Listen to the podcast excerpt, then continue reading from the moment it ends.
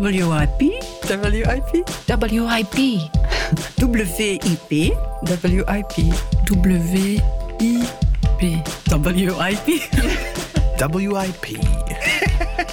WIP, WIP. WIP, WIP. WIP. WIP. WIP. WIP. Je luistert naar een podcast van de Vrouwenraad. Welkom bij WIP, een podcast over feminisme die staat voor Woman is Present, geleend van artiste Marina Abramovic. Dat feminisme begrijpen we intersectioneel. We gaan voorbij de buzzwords, voorbij de hypes en duiken met telkens drie experten in actuele vraagstukken. Waar slagen we? Waar falen we? Van waar komen we? En hoe moet het verder? WIP staat daarom ook voor Work in Progress, omdat intersectioneel feminisme over processen gaat. Het werk nooit voltooid is, het verhaal nooit af. Mijn naam is Yusra Benfki. Zij, haar. Ik ben dokter in de rechten, schrijfster en dichter, maar in de eerste plaats jullie host van dienst. Welkom. Fijn dat je hebt ingetuned. Vandaag hebben we het over zelfbeschikking. En daarvoor heb ik prachtige sprekers aan mijn zijde. Oei van Houwermeire, Fatima Zohra Aitelmati en Ida de Kweker. Welkom Oei, welkom Ida, welkom Fatima Zohra. Bedankt om erbij te zijn. Ehm, ik begin altijd graag met een introductie die jullie zelf doen. Eh, dus willen jullie jullie zelf even kort of lang voorstellen aan de luisteraar? Hallo, ehm, ik ben Owie. Mijn voornaamwoorden zijn die en hun. En in het ehm, dagelijks leven, of ja, overdag, eh, geef ik vormingen rond inclusie op de werkvloer eh, bij het project Hands on Inclusion. En daarnaast, in mijn meer vrije tijd, eh, ben ik ook freelancer en geef ik ehm, talks, vormingen, ehm, alles rond wat dat een beetje educatie heeft te maken met LGBTQ thema. Ik ben aan denken, wat kan ik daar nog over zeggen? Ik ben ook woordvoerder van Wel Jong, um, jongerenorganisatie voor uh, jongeren die niet hetero zijn of trans zijn of zoekende zijn. Um, en ja, dus eigenlijk het, het queer onderwerp is een groter onderwerp in mijn leven uh, dan de bredere inclusie. Maar uiteindelijk, je kan niet over queerness pra praten zonder over brede inclusie ook te praten. Dus ja. Absoluut. Ja. En dat hands-on, dat, dat zit bij Level toch, hè? Of, of uh, dat hands-on project? Uh, Level is daar medetrekker van, van Ah, ja. het project, Ah, op die manier. Ja, op die manier. Oké, dank je, Oei. Uh, ik ben uh, Ida de Kweker. Ja, ik ben al heel lang actief als feministe. Ik ben begonnen in 1970 met de oprichting van Dolomina. Um, en dat eigenlijk de tweede feministische golf op gang heeft getrokken. En dan heb ik nog vele dingen op, mee opgericht, zoals de FemSoc-beweging in de helft van de jaren 70. En dan recent, niet meer zo recent, heb ik Boe, Baas over Eigen Hoofd, ook mee opgericht. Wij hadden met de Femstock-beweging ook een uh, feministisch blad, Schoppenvrouw.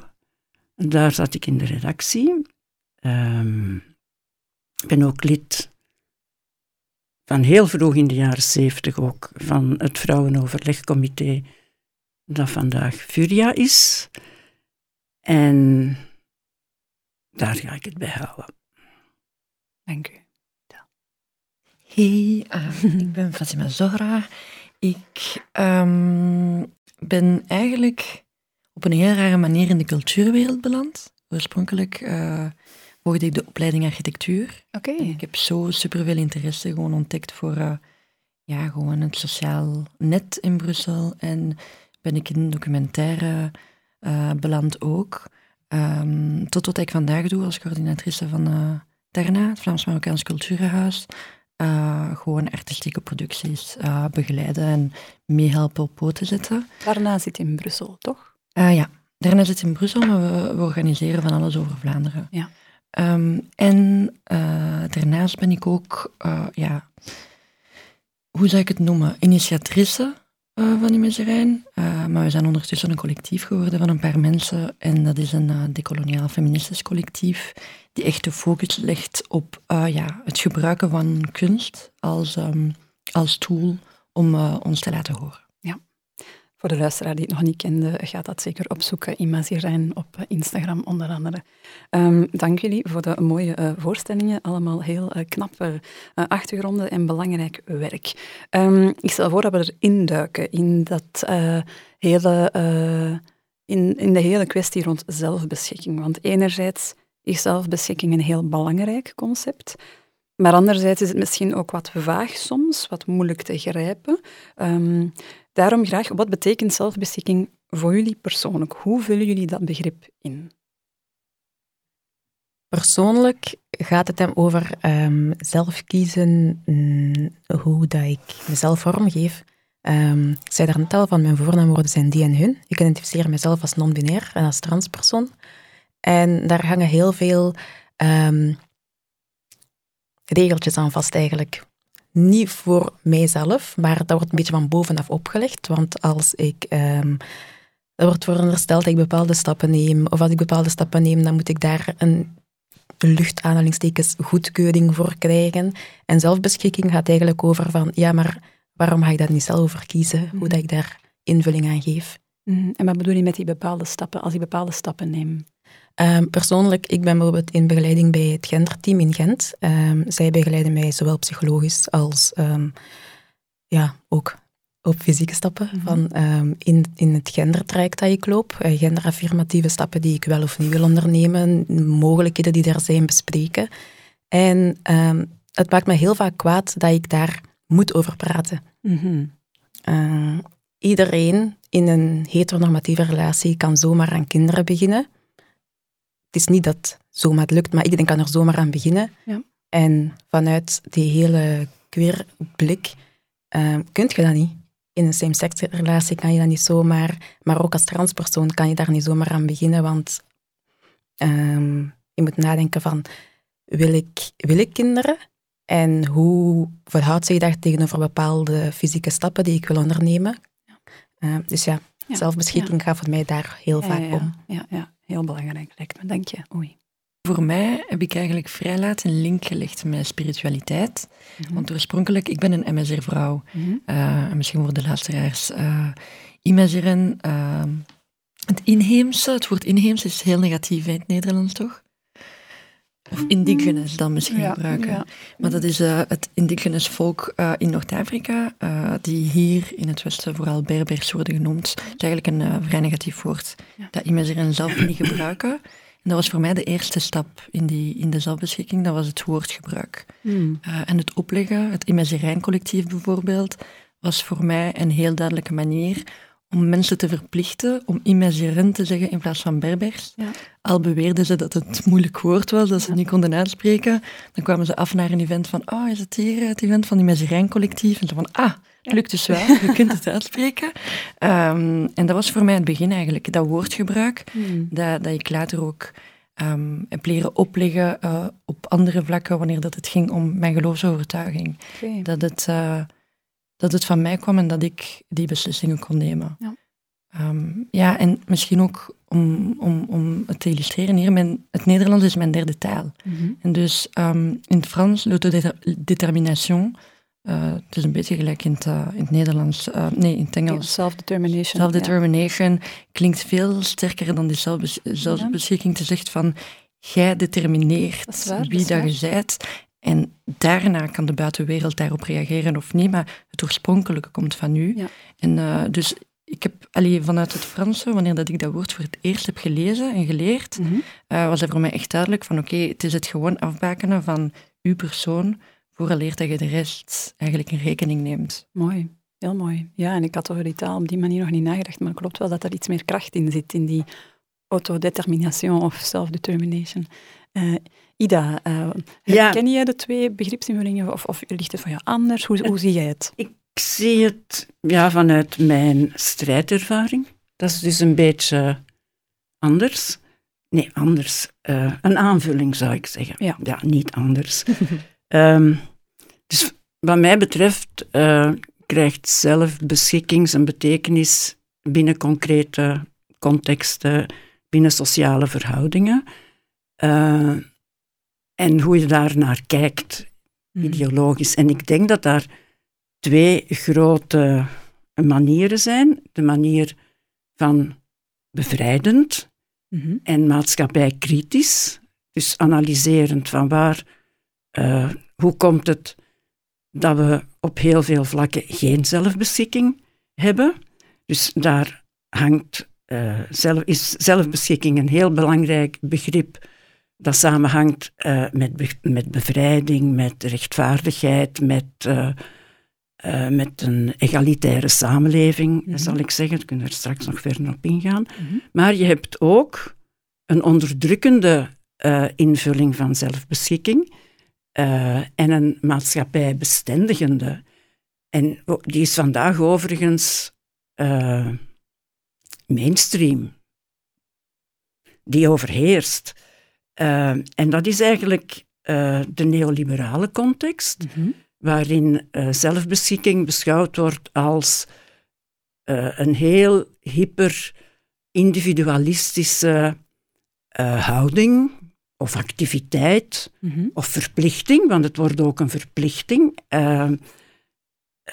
Eigenlijk wordt, is het dan een fetish, is het een hol begrip, want uiteindelijk verdoezelt het al de ongelijkheden in de samenleving en het maakt van de persoon die dan verondersteld wordt van aan zelfbeschikking te doen, of ik weet niet hoe ik het dan moet Mhm. zeggen, of eh, zich, over zichzelf te beschikken, het verdoezelt al de ongelijke verhoudingen die net die zelfbeschikking bemoeilijken of onmogelijk maken.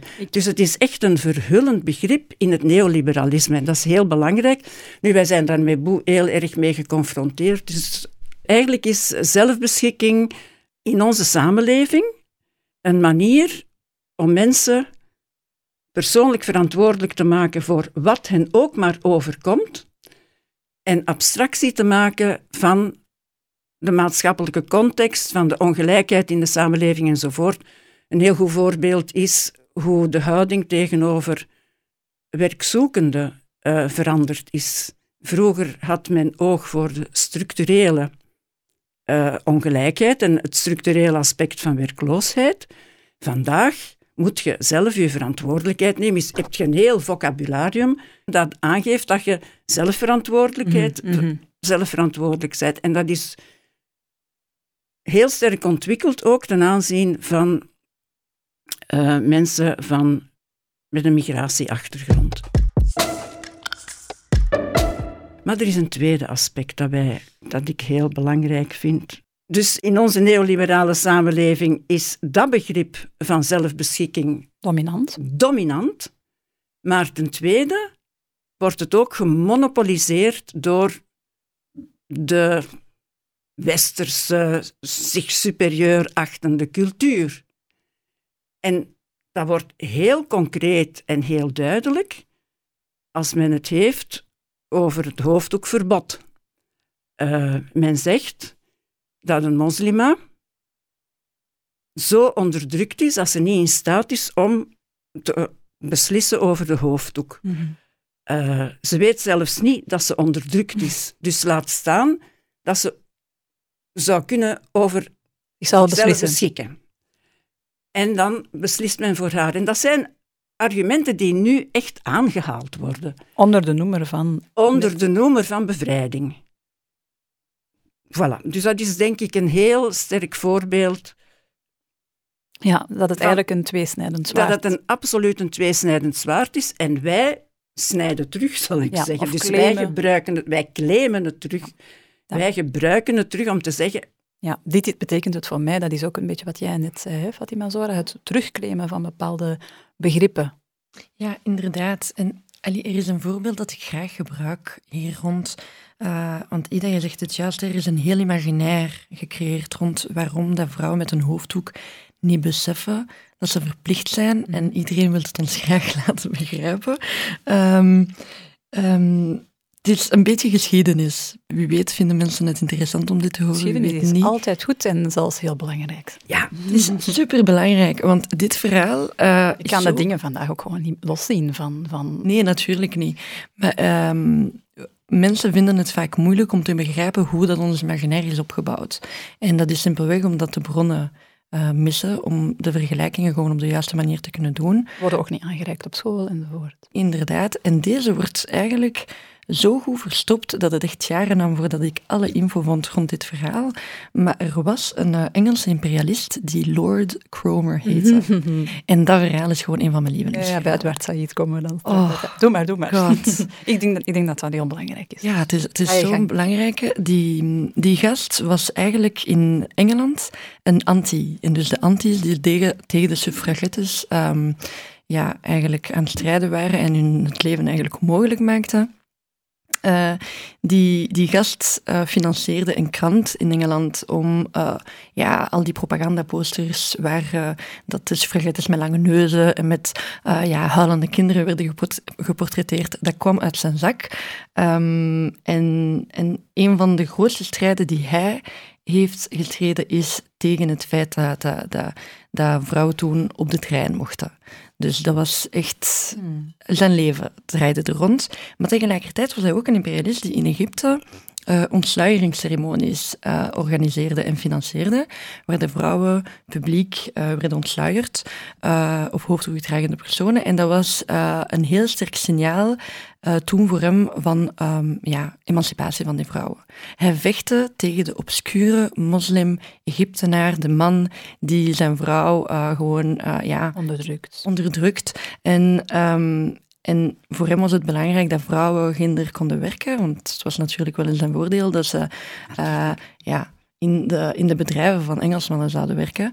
Uh, was, het, um, was het een goed idee dat vrouwen zouden werken en dat ze financieel onafhankelijk zouden zijn van de obscure moslimman. Mm. Dus uh, het is, het is die, die tegenstrijdigheid, dat die bestaat in één enkele persoon, vind ik gewoon het ja, het mooist mogelijk voorbeeld om te tonen dat het een heel imaginair is dat eigenlijk in boeken, in kunst uh, bestond en uh, werd voorgesteld aan, ja, aan, de, aan de maatschappij in Engeland om te zeggen, dat land dat jullie nooit zullen bezoeken, het is zo ver weg, Hm. zo is het, zo bestaat het, help ons om, om het er beter te, te, ja. te maken. Dit sluit helemaal aan bij uh, hoe bij de ontwikkeling van het kapitalisme ook vrouwen in het Westen dan wordt het nog ingewikkelder en kon, eigenlijk alle autonomie is afgenomen. Dat, dat is echt een heel historisch proces geweest, uh, met onder andere de heksenvervolging heeft daar een rol in gespeeld enzovoort, daar ga ik nu niet verder op in. Mm -hmm. Maar uh, dus de onderdrukking, alleen het afnemen van de autonomie op alle vlakken, wet, wettelijk, uh, sociaal, cultureel, op alle vlak. En om eigenlijk, om het nu met een ja, mottig woord te zeggen, broedmachines te worden om kinderen voor te brengen om te gaan werken. Dat is nu heel ja. grof uitgedrukt, maar eigenlijk komt het daarop neer. Um, ja, voilà, dat sluit. Dus je hebt een heel systeem, een imperialistisch, kapitalistisch systeem, dat ja, vrouwen echt wel op grote schaal en op verschillende manieren Hm. onderdrukt heeft en tegen elkaar opgezet. Want die westerse vrouwen speelden dan ook wel een rol in die koloniale onderdrukking, terwijl dat ze zelf onderdrukt waren. WIP? WIP? WIP. WIP.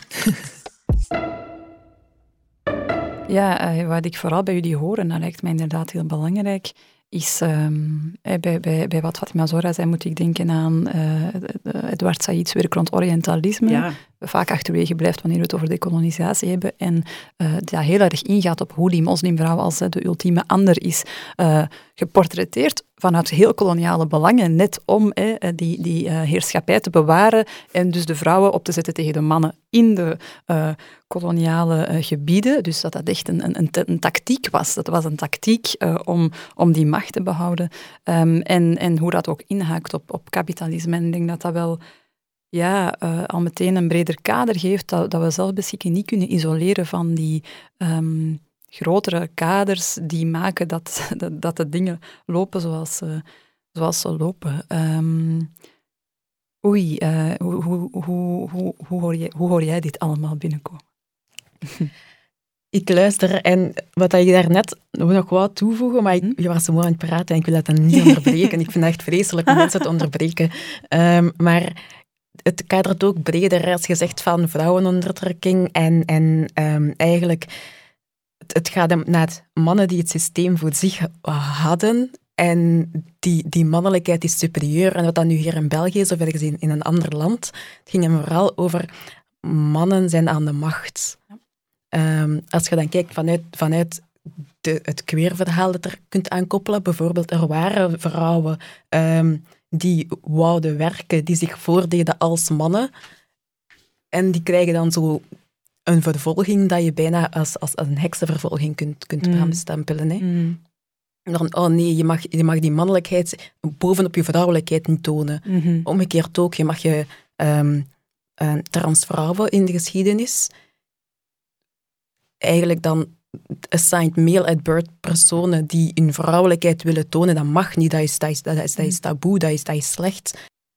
Ja, nee, er mocht nog, uh, denk ik, in, in de ontwikkeling van het kapitalisme, mocht er nog één archetype vrouw bestaan. Dat is de, de vrouw onderworpen aan haar man. De burgervrouw aan de burgerman. En die heeft het dan iets beter, maar is toch ook wel uh, onderworpen. En de arbeidersvrouw, ja, uh, onderworpen aan haar man, enkel in functie van ja. kinderen maken. Ja. ja.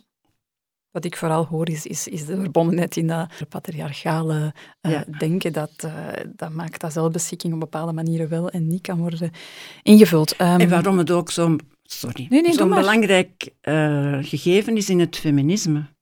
Precies, want daar wou ik nu net naartoe gaan. Hè? Dus nee, doe maar van, inderdaad, we hebben het nu over zelfbeschikking en hoe haakt dat dan in op feminisme? Want daar gaat het wel over.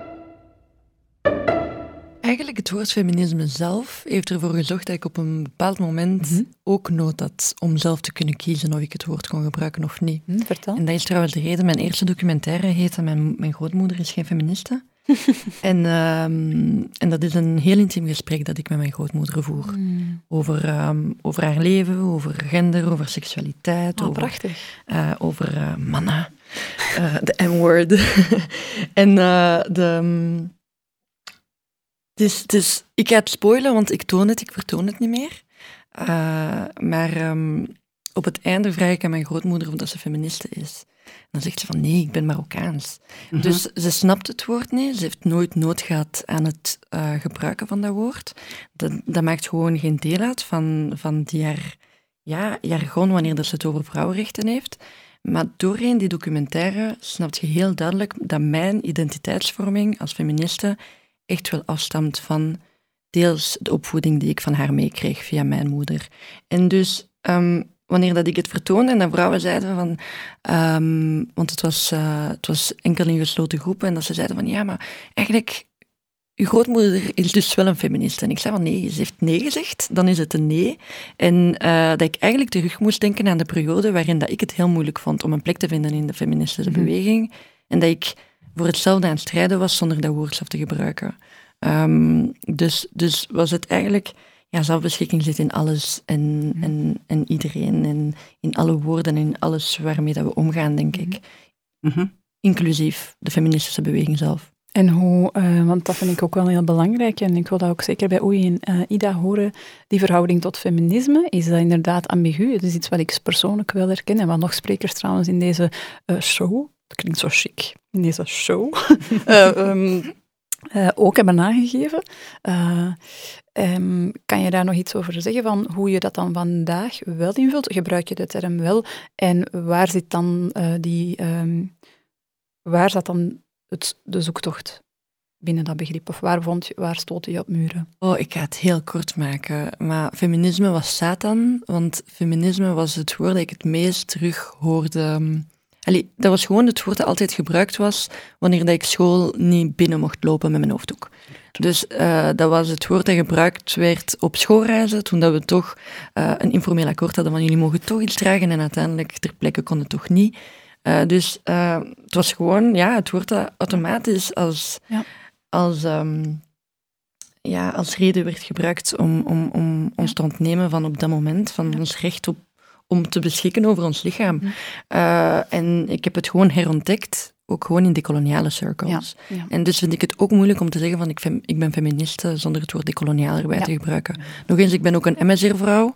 Ehm, als je de link maakt tussen ja, hoe dat we vandaag onze spiritualiteit ervaren in een context als België, Mhm. de Arabisatie van Noord-Afrika kun je niet ontnemen ook, van wat dat onze mensen hebben meegemaakt in het verleden, Zeker. dan, dan hoort voor mij het woord decoloniaal erbij. Het zegt Ja. zoveel meer over hoe dat ik feminisme ervaar. Ja, ah, wel, en bij sommige mensen is dat impliciet in, in dat feminisme, eh, onuitgesproken verondersteld van ik ben feminist, maar wel duidelijk intersectioneel decoloniaal.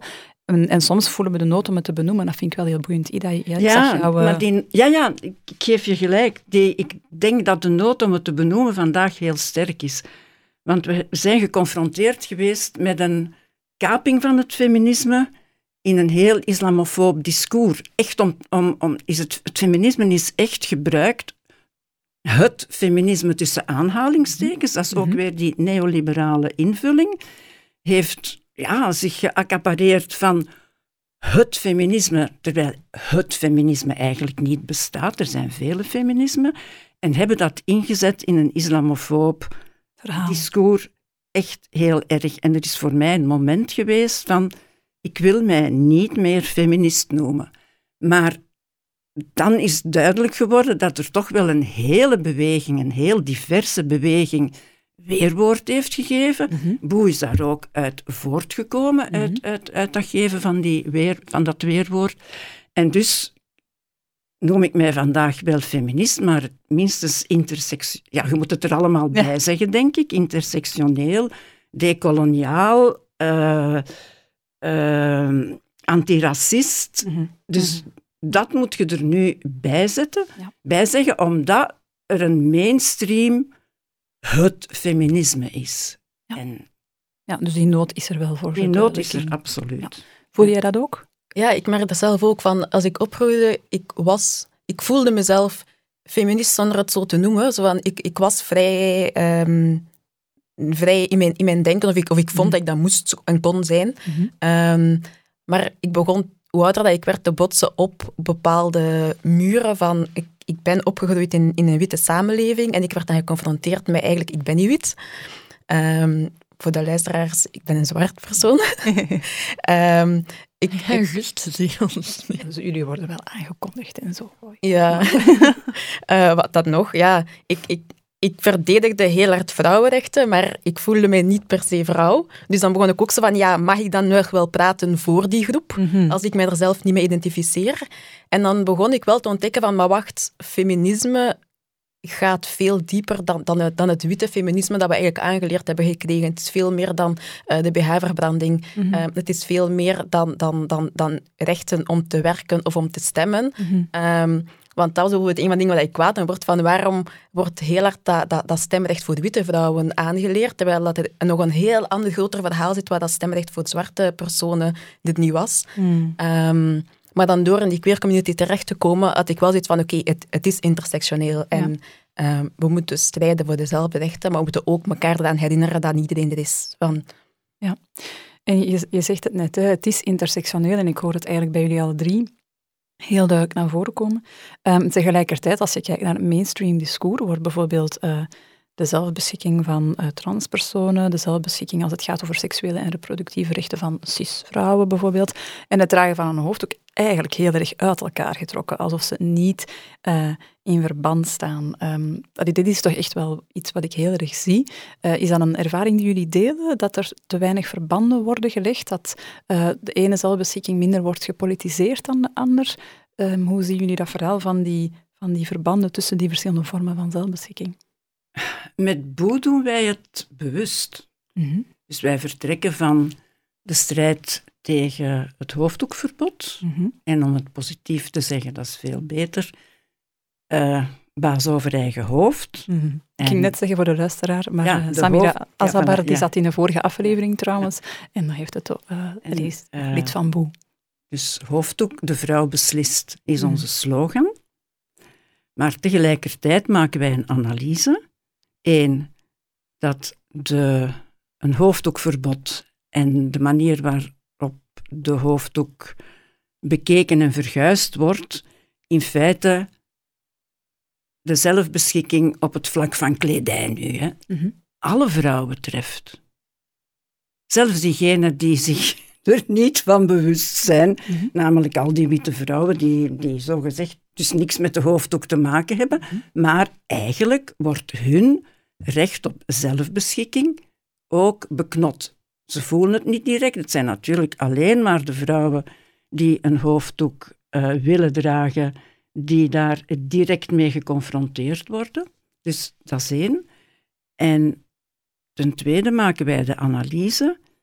eh, dat hoofddoekverbod is maar één aspect.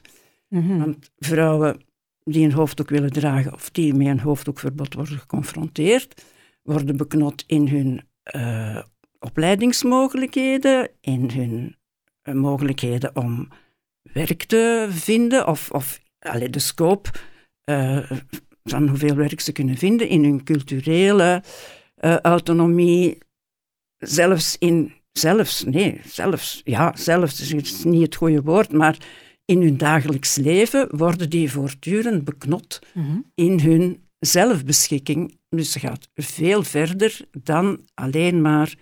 Dus in die zin moeten we verbanden leggen. Dat is ik pas heel recent merk, want heel vaak merk je dan van oké, het gaat verder dan wat je net zegt, het hoofddoek, eh, het gaat ook over de volledige klederdracht. Maar als ik dan vaak aan mensen voorleg van ehm, oké, vrouwen mogen nu dragen wat dat ze willen, ehm, maar heb je dan een keer gekeken naar transpersonen? Transpersonen in transitie, Mhm. heel die, die weg van nog niet passing zijn, ehm, hoe dat daar nog altijd op neergekeken wordt, dan denk ik van ja, maar die moeten ook bijgenomen worden. En ik merk dat er pas recent eigenlijk die blik, Ja. die verruiming van die blik bijgenomen wordt. Ja. Om misschien terug te komen op wat Ida vertelde, dat, dat, dat, dat soms een paar mensen het gevoel hebben dat, Mhm. ehm, ja, dat ze bevoorrecht zijn in de samenleving en dat ze niet echt de nood voelen om mee te vechten, om mee te strijden rond iets. Maar heel kort, hè, we komen terug bij Lord Cromer. Maar dat is het exact. Dat zijn exact dezelfde instituties, dezelfde systemen die en het ene en het andere kunnen benadelen. En de ene persoon en de andere. En dat, dat, dat veel vrouwen eh, niet beseffen, en veel mensen in het algemeen, dat het eigenlijk ehm, historisch en, en in het beeld dat werd gevormd over vrouwenlichamen, eh, over, over hoe dat, dat we kijken naar, naar onze klederdracht, dat die dingen eigenlijk met elkaar te maken hebben. Dat, dat, dat, dat een moslima ehm, of een niet-moslima eh, in het algemeen op een... ehm, ja, sorry, het Frans komt weer in mijn hersenen naar boven. Met een manier pejoratief, op een Ja, pejoratief. ja, pejoratief, een ja. neerkijkende manier kijken naar, naar die lichamen, dat dat éénzelfde discours is die daaraan vorm geeft en dat die dingen niet los kunnen worden getrokken van Voor de luisteraar die nu niet helemaal mee is met hoe dat, dat ook de witte vrouw in dit geval beïnvloedt, dan mag je van mij op doorgaan hoor. Voor mij is één institutie een goed voorbeeld ervan, ehm, en dat is politie. Eh, islamofobie, zit daar in de institutie op dezelfde manier dat misogynie deel uitmaakt ervan. En dus eh, dat is één, één geheel. Eh, dat kunnen we niet lostrekken van elkaar. Dat zijn twee heel verschillende discours in hoe dat we er naar kijken. Maar de- hoe, dat dat, hoe dat, dat bestaat, is eigenlijk één iets. Eh, en, en het is belangrijk om dat ook te beseffen, om daar ook gezamenlijk over, over te kunnen babbelen. Absoluut. Ga je daar iets op, op inpikken? Ja. Om het eigenlijk over het, het, het politiegegeven te hebben. Hè. Waarom zijn er trainingen om om te gaan met eh, mensen met een andere geloofsovertuiging, trainingen om om te gaan met eh, LGBTQ-personen en om te gaan met eigenlijk eh, bijvoorbeeld jongeren of zo? Allee, waarom moeten allemaal aparte trainingen zijn? Wat En is waarom is dat niet omgaan met de- jongere die zwart Ja. is Ja. in, in die Waarom is dat niet gewoon omgaan met mensen? Ja. Want Ja, als je eigenlijk de mensen met de meeste noden in de samenleving begrijpt, dan begrijp je dat erboven ook. Ja. Precies. En dat was bijvoorbeeld bij Mezerijn vroeger. eh want zelfbeschikkingsrecht van ons collectief bijvoorbeeld werd ons ontnomen. Eh, toen dat we ooit durfden babbelen over de hoofddoek, werden we een islamitisch collectief. Dat is ook een van de redenen waarom dat we minder actief zijn. Eh, maar Boek kent dat waarschijnlijk ook wel. Het, eh, ja, we zouden gefinancierd zijn door Iran, blijkbaar. Mijn iPhone is hier wel kapot, maar we zouden heel veel geld krijgen van Iran. Ehm, en dus, ehm, dat is eh, wat ik, ik ging zeggen eigenlijk. Mhm. Oorspronkelijk waren we een groep mensen. Mhm. eh, allee, we waren ongeveer tien mensen die, die vrouwen en non-binaire personen waren. Mhm. We babbelden over alles, over eh, intercommunautaire misogynie, intercommunautair racisme, over hoe dat we omgingen met het queer zijn in moslimgemeenschappen. Dus het ging over van alles. Uh, en toen werd dat discours wel aanvaard. Het is een beetje gelijk wanneer dat ik met een tulband en met wat gekke kleren ga uitleggen dat ik een hoofddoek wil dragen. Dan snappen mensen het wel. Want jij bent wat anders dan de anderen. En je kan het nog aanvaarden, het is nog, nog wat fashionable. Mhm. Maar als ik diezelfde... Boho chic. Ja, het is boho chic. uh, trek naar bio zo. En wanneer dat je hetzelfde gaat vertellen, maar een week later draagt je je hoofddoek gewoon op een andere manier, want zo voelt je het aan die ochtend. Um, of gebabbeld over de hoofddoek binnen hetzelfde collectief die ook al die andere onderwerpen aankaart. Dan is het gedaan eigenlijk. You're over. Ja. Dan is het echt Dan gedaan. Het, alles over, het ja. wordt gewoon zo hard gepolitiseerd, ja. dat, dat, dat vraagstuk, dat, dat jij dan ook ook gerecht meer hebt als organisatie dan om, om Ja. u te definiëren. Dan wordt het u opgelegd dat je aan politieke islam Ja. doet. Ook het grappige, die ene keer... ehm, ja, sorry, ik ben Brusselse. Mhm. En, eh, Moet je niet voor verontschuldigen, denk ik? ja, nee, nee, nee. Ik, ik ging, die story was omdat ik iets heel negatiefs ging zeggen over Vlamingen. ik ben Brusselse en ik weet niet wat politiek in Vlaanderen heette. Maar t- t- toen dat wij eh, echt ehm, ja, op sociale media werden afgemaakt door politiek in Vlaanderen, Mhm. werd er van alles gezegd over, ja, eh, wat hebben jullie dan te zeggen over eh, vrouwenrechten binnen de moslimgemeenschap en over queerrechten binnen de moslimgemeenschap? En ik dacht van, slijt gewoon neer naar onze pagina en we babbelden erover in 2018 al. Eh, dus het, het geheel, eh, heel het verhaal wordt niet meegenomen. Nee. En dat is misschien ook een probleem, en om terug te komen op wat Ida vertelde, Mhm. en ik hoorde het ook een beetje bij u, Mhm. Oei, dat is ehm, eigenlijk al die vraagstukken zijn niet apart. Dat is één verhaal. En ik denk dat op het middenveld, dat die ook echt wel als één verhaal worden beschouwd in de praktijk. Mhm. Door de mensen die het echt meemaken en echt Mhm. oplossingen zoeken. Mhm. Maar in het geheel discours lijkt het niet zo. Precies. Ik heb het te leren. Op het middenveld. Dat iedereen wel dezelfde doelen heeft. Is dat wat je daarnet zei? Niet iedereen, maar dat je meer voelt dat, de- dat er niet wordt gekeken naar die dingen als ja, tweestrijd. Ja, als Dat er- tweestrijd. Ja. Wel, waarom dat die vaak niet samengenomen worden, ziet ook eigenlijk van, van waar komt de financiering. Ehm, met, met, welk, met welke denkbeeld zitten werkende organisaties eigenlijk? Enerzijds, wie zijn de stichters van de organisaties, maar ook als er subsidies aan verbonden zijn, je krijgt geld om een opdracht uit te voeren. En als een organisatie een opdracht uitvoert in het kader van ehm, armoede in Vlaanderen, dan zit daar niet altijd bij om dat intersectioneel te bekijken. Om niet alleen te kijken naar armoede van witte mensen, maar ook de, eh, de, cultu- ehm, de generationele armoede van personen met migratieachtergrond. Of de armoede die, te- die, die vaak komt kijken bij personen uit de, uit de queer gemeenschap, die geen geld hebben om ehm, bepaalde huisvesting te betalen, maar tegelijkertijd ook de discriminatie daarmee komt kijken om huisvesting te vinden. Mhm.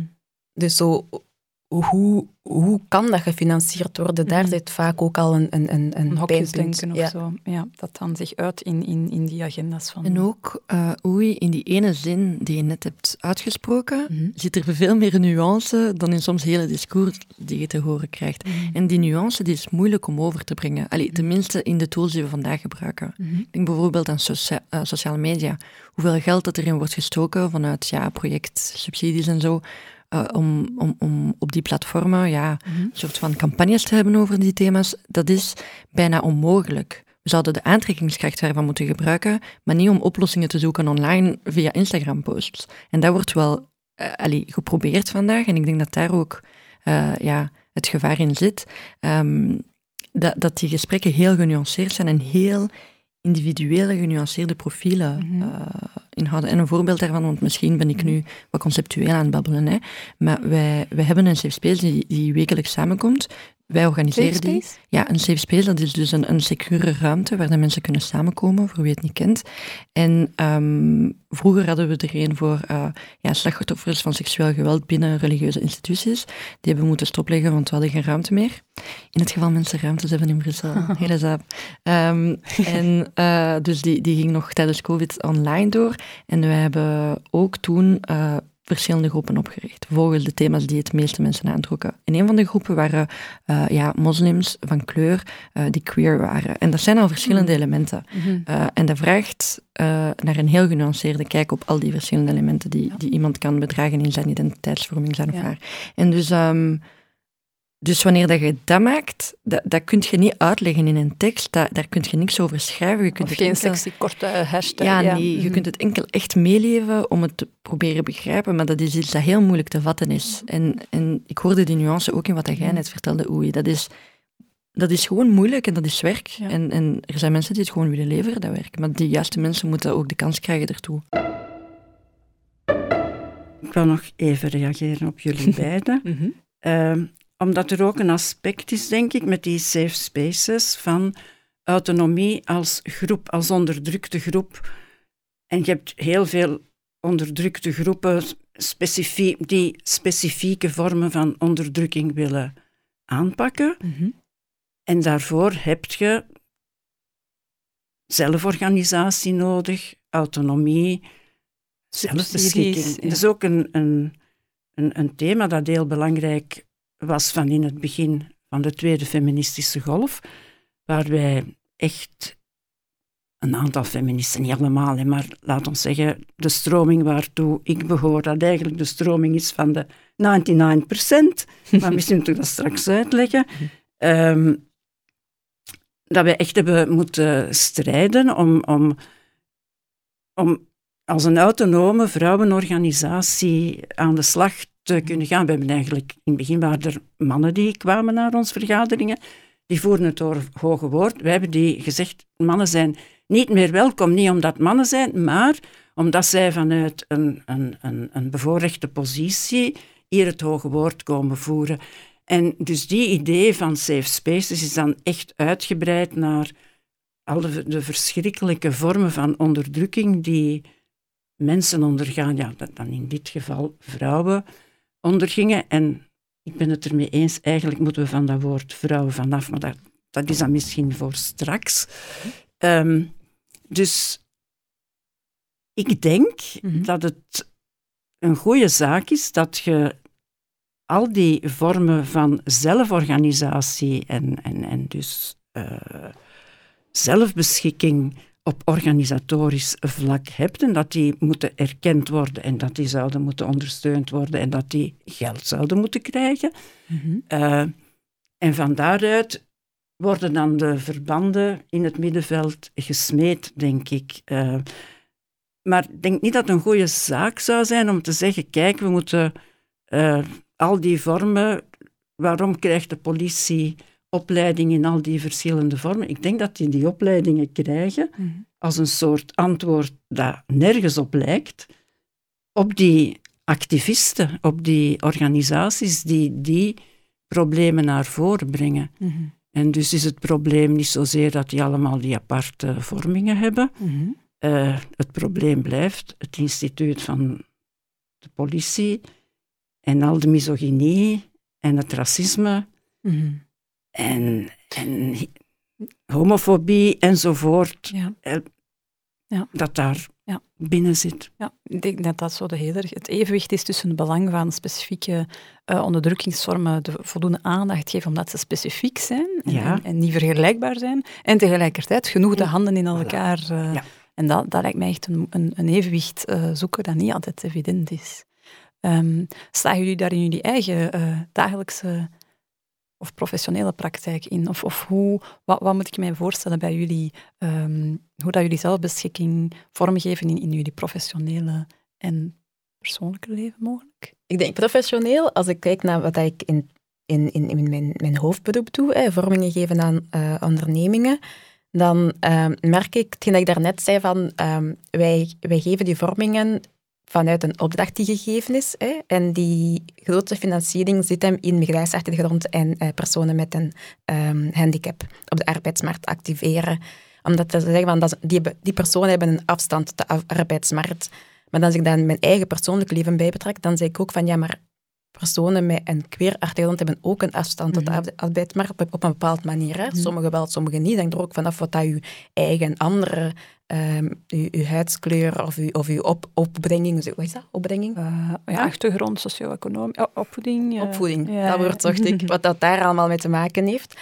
Maar als ik dan die vormingen geef aan die organisaties, probeer ik elke, elke keer ook wel zo'n beetje van, let op, het is ook uh, de LGBTQ plus community. Mm. Hè, daar zijn ook noden mm. die hierbij aansluiten. Probeer dat wel mee te geven. En ik merk dat mijn collega's daar heel blij mee zijn, omdat dat vaak een blinde vlek is van hen, omdat zij cis of um, uh, hetero-normatief grootgebracht zijn. Um, ik, ik hou van kunst en ik wil mij dat, dat, dat, niet ontnemen. Ik heb dat wel twee jaar lang gedaan. Daar heb ik spijt van. En ik besef vandaag, vandaag gewoon dat ik hetzelfde kan doen, hetzelfde kan vertellen, maar in, gewoon in een ander formaat. Mm En ik denk dat dat deel uitmaakt van hoe dat ik in mijn parcours dat, dat thema eigenlijk heb meegenomen. Dat is gewoon dat ik zelf beslis hoe dat ik bepaalde thema's aankaart mm -hmm. en hoe dat ik het wil vertellen. Mm In hoeverre dat ik bereid ben ook om mijn eigen in gevaar te stellen door het op een andere manier te doen. Ja. Dus uh, ja, minder politiek. Ja, en meer de weg van...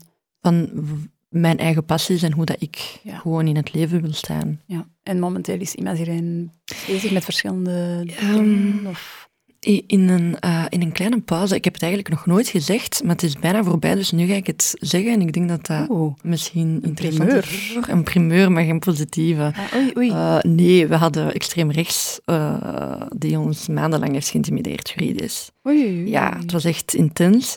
Uh, en dus hebben we gewoon moeten stoppen met activiteit, omdat we de, de energie ertoe niet meer hadden. Uh, maar dat is een belangrijke voor mij, want dat is het net. Er werd ons ontnomen om te beslissen hoe dat we het verhaal wilden vertellen. En dus er waren verwachtingen, we zijn erop ingegaan. Dus uh, ja, mensen wilden het lezen, wilden het begrijpen, wilden ons uitnodigen om, er, om erover te babbelen.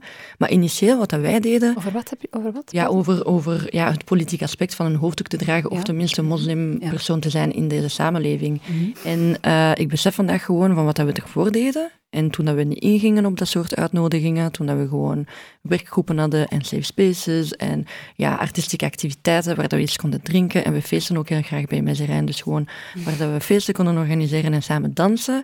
Dat stond exact voor hetzelfde. En we waren het aan het verwezenlijken ook. Het was niet enkel in woorden. Mm. En dat is het formaat die, die gepast is voor hoe dat wij in het leven mm. willen staan. Mm. Maar de rest en al dat juridische en politieke jargon yeah. en al, dat is echt bullshit dat wij niet meer willen aangaan. WIP? WIP? WIP. WIP.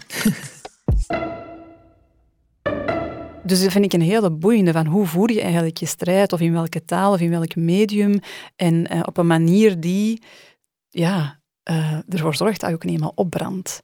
En, en is dat iets dat jullie herkennen, wat, wat Fatima Zora net aankaartte? Ik merkte dat ik vroeger heel vaak mijn persoonlijk verhaal vertelde. Mm -hmm. En dat ik daar moe van word. Bijvoorbeeld?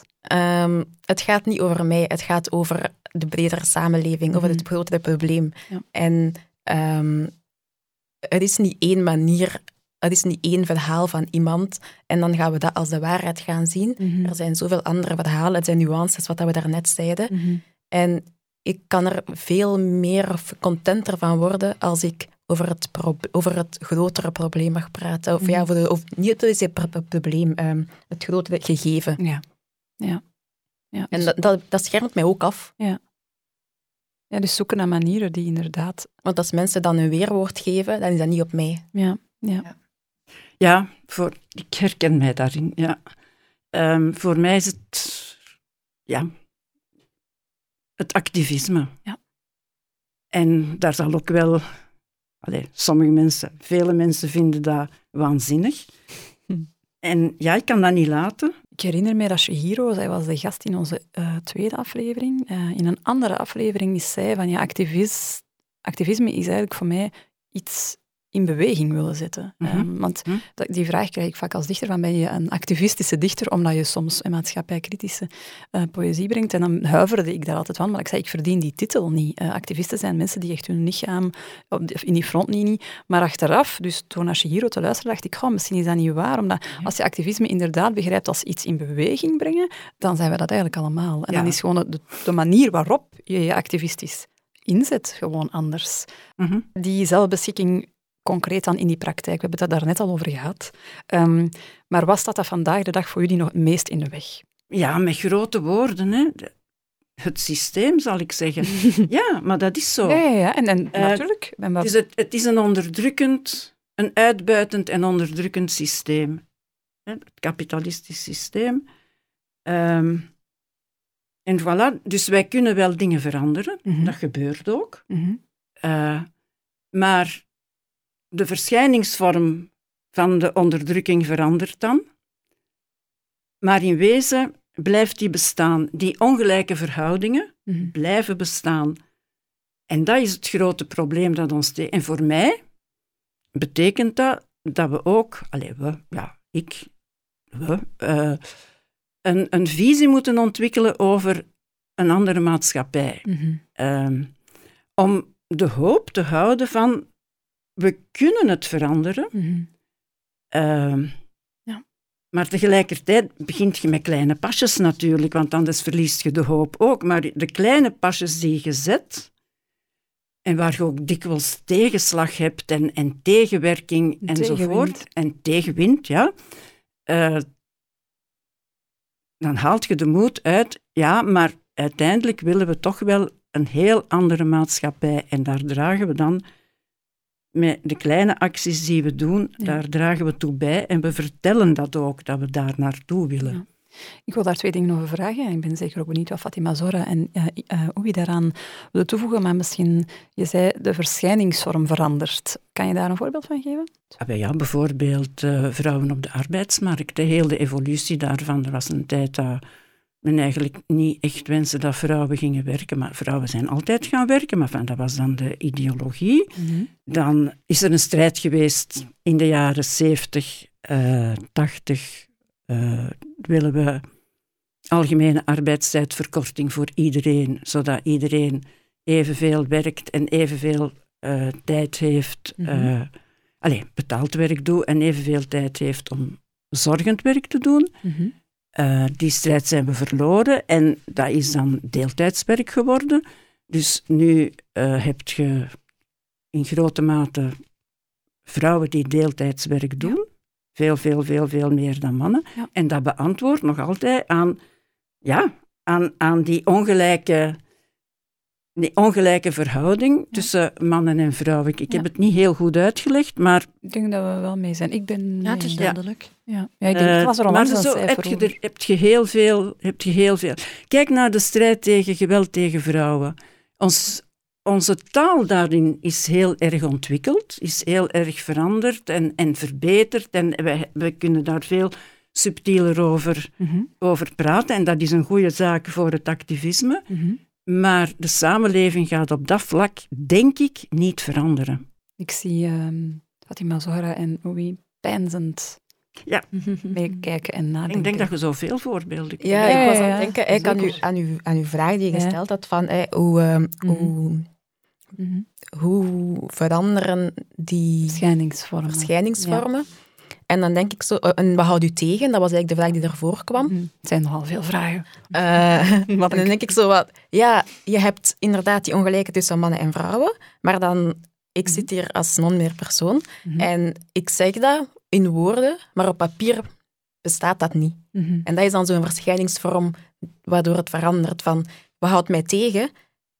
De, de wet, het wettelijk kader er rond. Ja. De woorden die er wettelijk rond, of, of, ja, wettelijk, die, die aanvaard worden. Want ik heb zoiets van, wij als community hebben eigenlijk wel onze woorden, ja. maar ze worden niet over de hoofden genomen. Nee. Heel vaak als er persberichten verschijnen, zie je gewoon um, persoon X uh, die man was, maar wil niet meer zo genoemd worden. Ik zo, maar kijk, het is, Oh. wij geven u een woord, wij geven u non-binair of wij geven u genderdivers of genderqueer en je gebruikt het Ja, woord ze niet. moet eigenlijk niet veel doen, want je, je doet eigenlijk al het werk al. Ja. En daar, daar, daar heb ik het ook over, hè, over de institutionele obstakels, zoals wetgeving bijvoorbeeld, zowel bij het hoofddoekverbod als bij bijvoorbeeld het transpersonen, dat soort. Wat zijn de grote blokken die nog de weg versperren?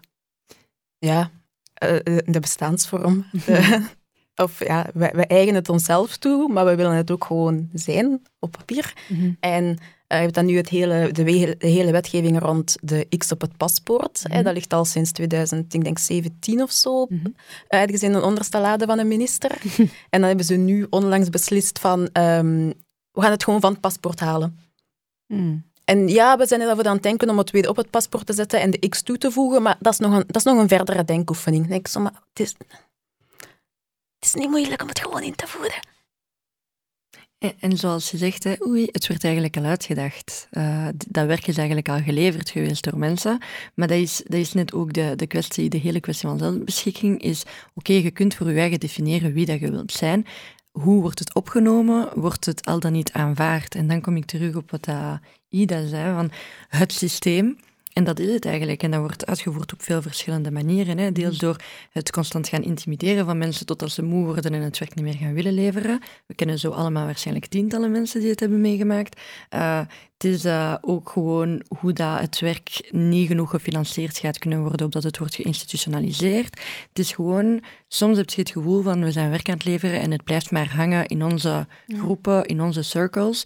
En dat is ook effectief waar. En ik ben niet van de mensen die geloven dat het dan voor niks dient. Mhm. Eh, want dan is er ook de vraag, je had het net Ida over uh, zorgend werk, naast het betalend.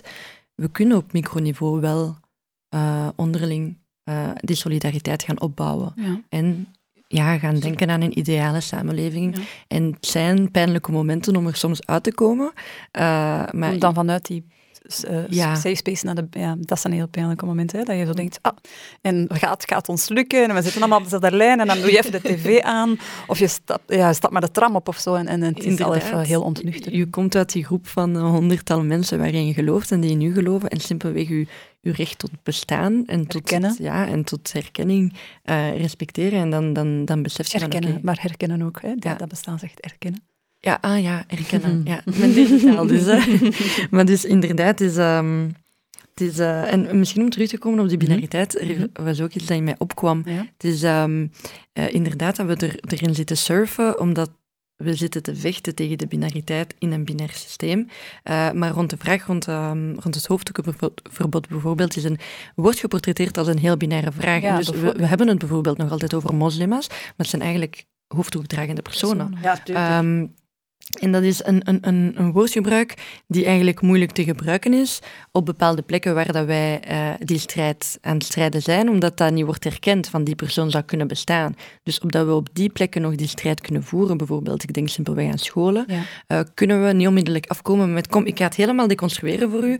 Uh, dit gaat om dit en dit en dit en dit en dit. Stapje per stapje. Dus we moeten heel simpel en duidelijk woordgebruik hanteren, opdat we ja, het begrijpen. overweldigen eigenlijk. Ja, Het is al veel te moeilijk, hè.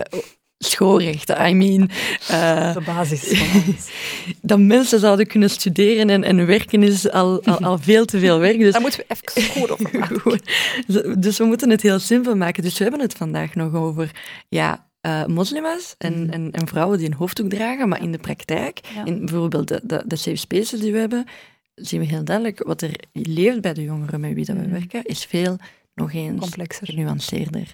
Dus uh, ja, het is, uh, het is de woorden gebruiken om verstaanbaar te zijn, om te hopen dat we mensen kunnen mee, meekrijgen. Ja, dat herken ik heel erg. En met Boe, aanvankelijk bij Boe hebben wij al die categorieën gebruikt, die hatelijke categorieën, eigenlijk, die we niet wilden gebruiken, maar om duidelijk te maken dat we intersectioneel, dat we heel divers waren. Hè. Dus uh, oud en jong, dat is dan nog het minst moeilijke.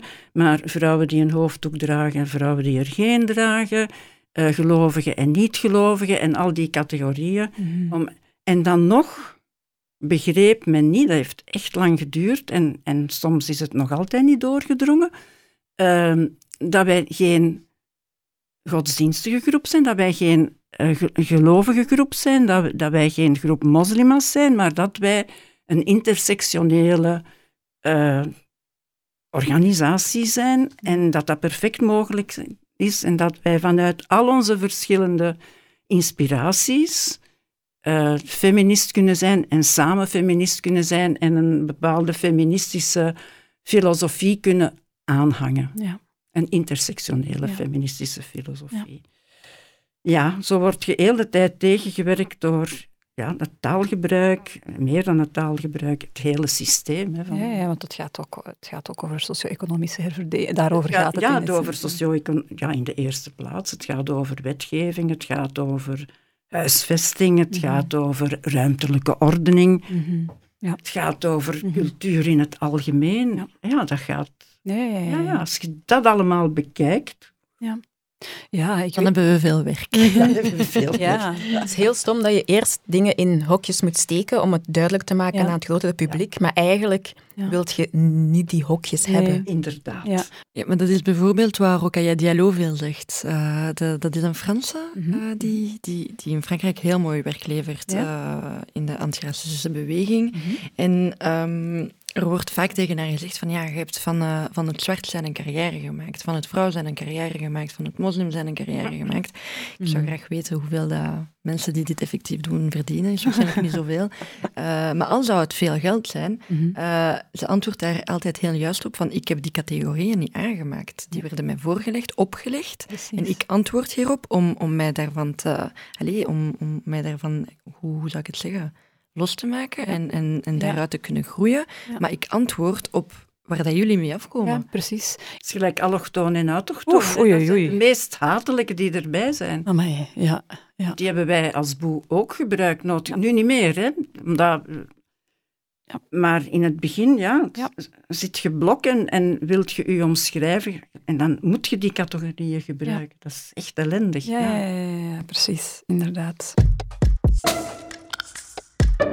Ik denk dat we stilletjes aan eh, het einde van het gesprek naderen. Allee, van mij zou het nog heel lang mogen doorgaan.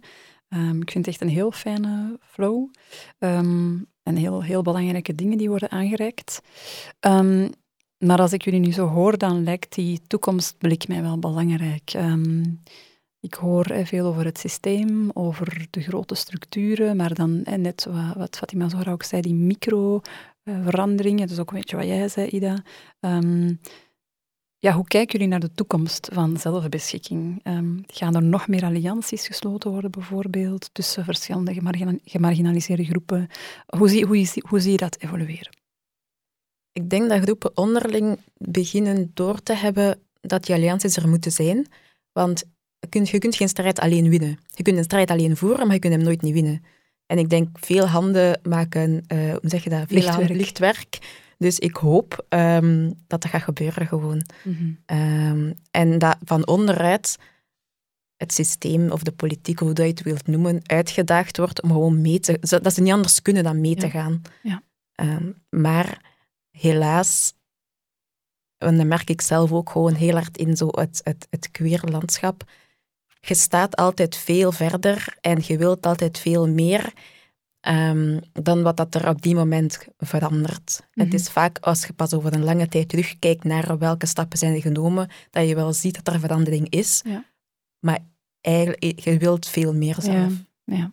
Het is zo wat Ida daarnet zei van het steentje. Ja, ja. De grote verandering voor ogen houden, maar de kleine stapjes. Maar de kleine stapjes eh, Ja. zoveel mogelijk Ja. proberen te zetten, ja. ja. Wat zie jij nog als de voornaamste uitdagingen op vlak van zelfbeschikking? Of hoe zie je de toekomst? eh, Dat vind ik een heel moeilijke vraag. Hoe, zie ik de toekomst? eh? tja, ik denk dat zelfbeschikking, als je dat echt wil waarmaken Mhm. voor iedereen, dat je echt moet nadenken over een, een maatschappij die gelijkheid en vrijheid Ja. eh, als bouwstenen? als bouwstenen gebruikt. Ja, goed.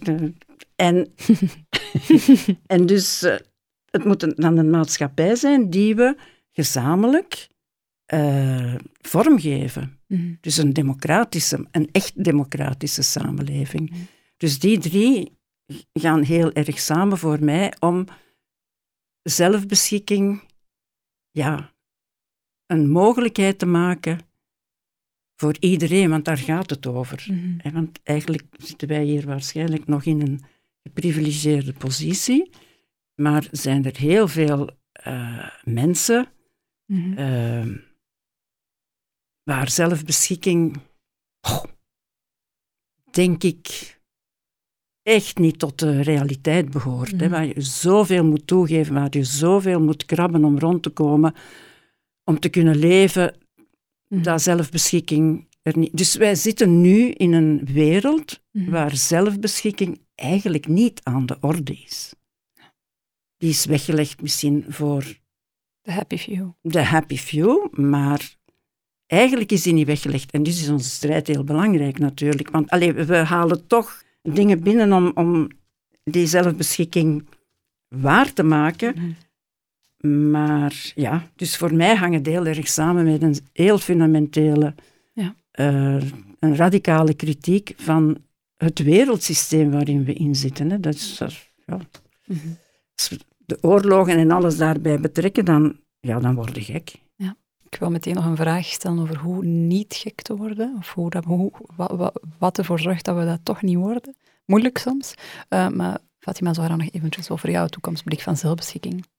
Ik zou het echt niet weten. Echt waar. Ik, eh, ik Mm. denk gewoon, en misschien om terug te komen op wat je net zei, van hoe niet gek te worden. Ja. Ik denk gewoon dat, dat, dat we niet te veel moeten focussen op, al focussen we op waar we naartoe willen gaan, maar niet focussen op gaan we er komen of niet. Mhm. Maar meer plekken te vinden waar dat we even tot rust kunnen komen onderling met mensen die in hetzelfde geloven en die op dezelfde manier Ja. denken over die vraagstukken. Maar ver Ja. van Instagram even samen lekker eten met mensen en goed lachen, dat is overleven. En ik denk dat dat belangrijk is Ja. om, eh, Ja. om, om te zien, allee, om, om in die strijd, Mhm. om, om die zelfbeschikking, tot die zelfbeschikking te kunnen komen, eh, dat wij gewoon onszelf gaan organiseren onderling. ja. En dat je daar niet aan kapot gaat. Hè?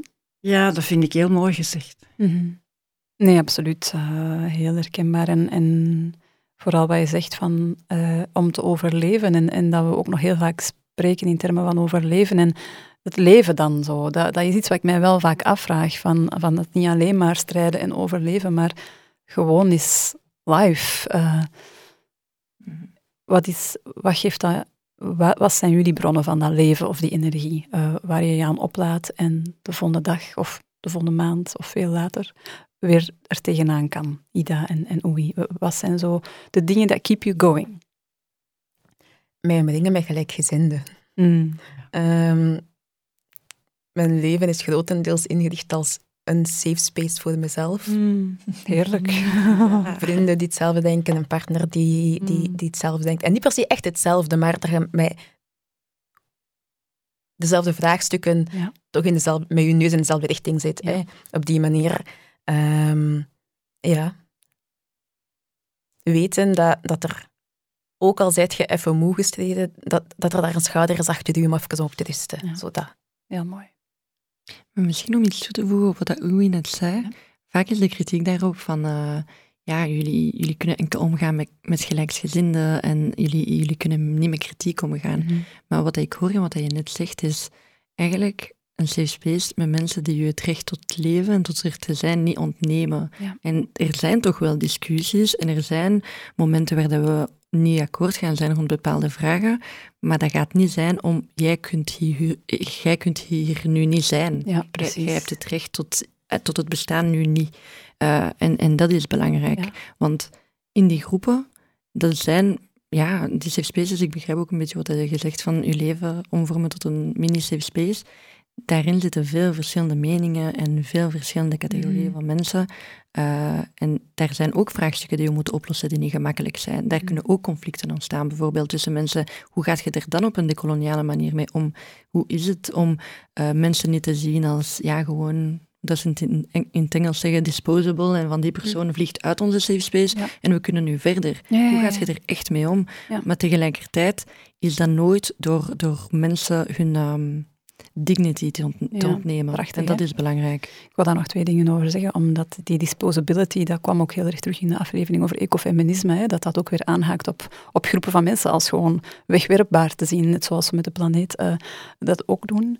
Ehm, en dat werd ook opnieuw in de vorige aflevering werd dat ook heel duidelijk. Dat hele eh, community safe space verhaal betekent niet dat je daar als een soort van monolith eh, eh, um, blok allemaal hetzelfde denkt en zegt, maar het gaat wel over die basiswaardigheid en op adem te kunnen komen, denk ik. Ida? Ja, wij zeggen bij Boer, wij zijn verbonden door liefde en vriendschap. Dat zijn grote woorden, maar dat is het wel. Mooi. Dat houdt u wel recht, ja. Liefde en vriendschap, eh, Ida, heel mooi. Ik denk dat dat eh, de ideale woorden zijn om eh, zachtjes mee af te sluiten. Ik wil jullie alle drie van harte bedanken voor dit hele mooie, serene, waardevolle en toch heel diepe en kritische gesprek. Ik denk dat de luisteraar ongetwijfeld ook even dankbaar is. Ehm, verder wens ik jullie nog ja, een, een, een mooi en, en zacht jaar met genoeg zelfzorg inderdaad en genoeg uh, ademmomenten.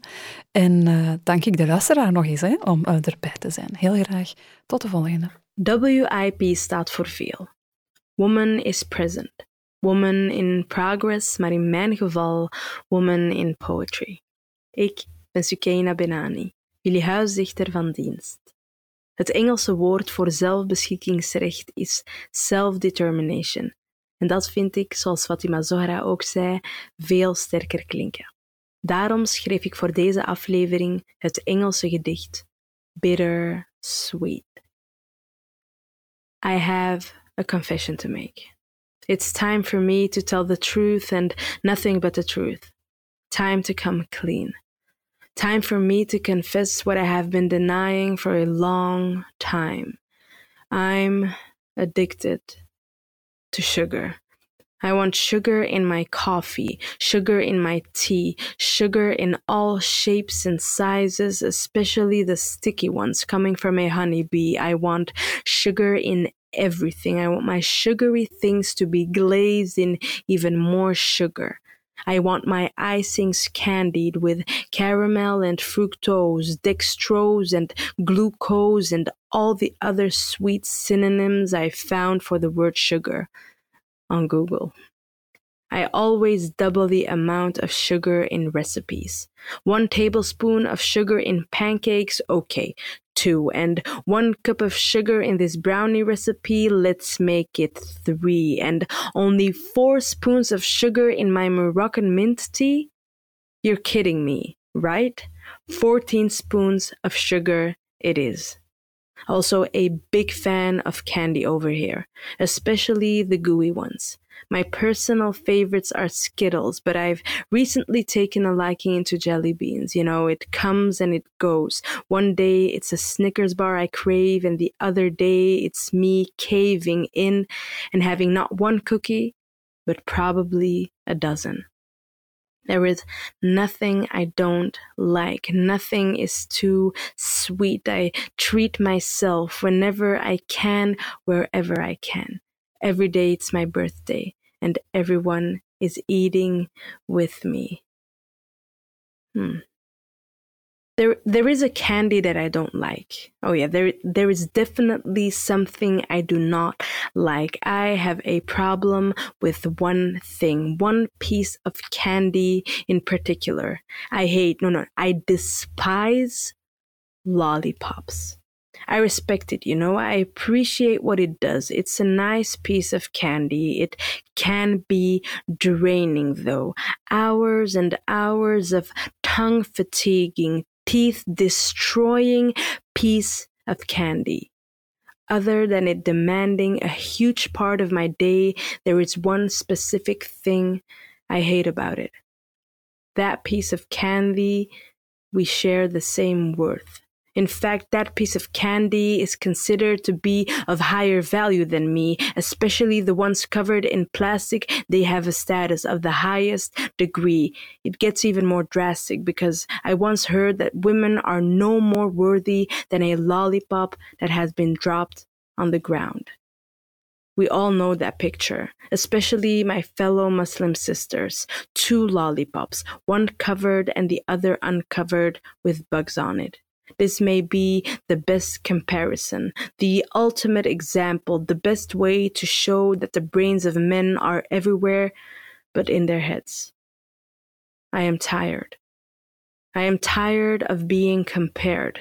I am tired of being judged, of being smudged with your rejection.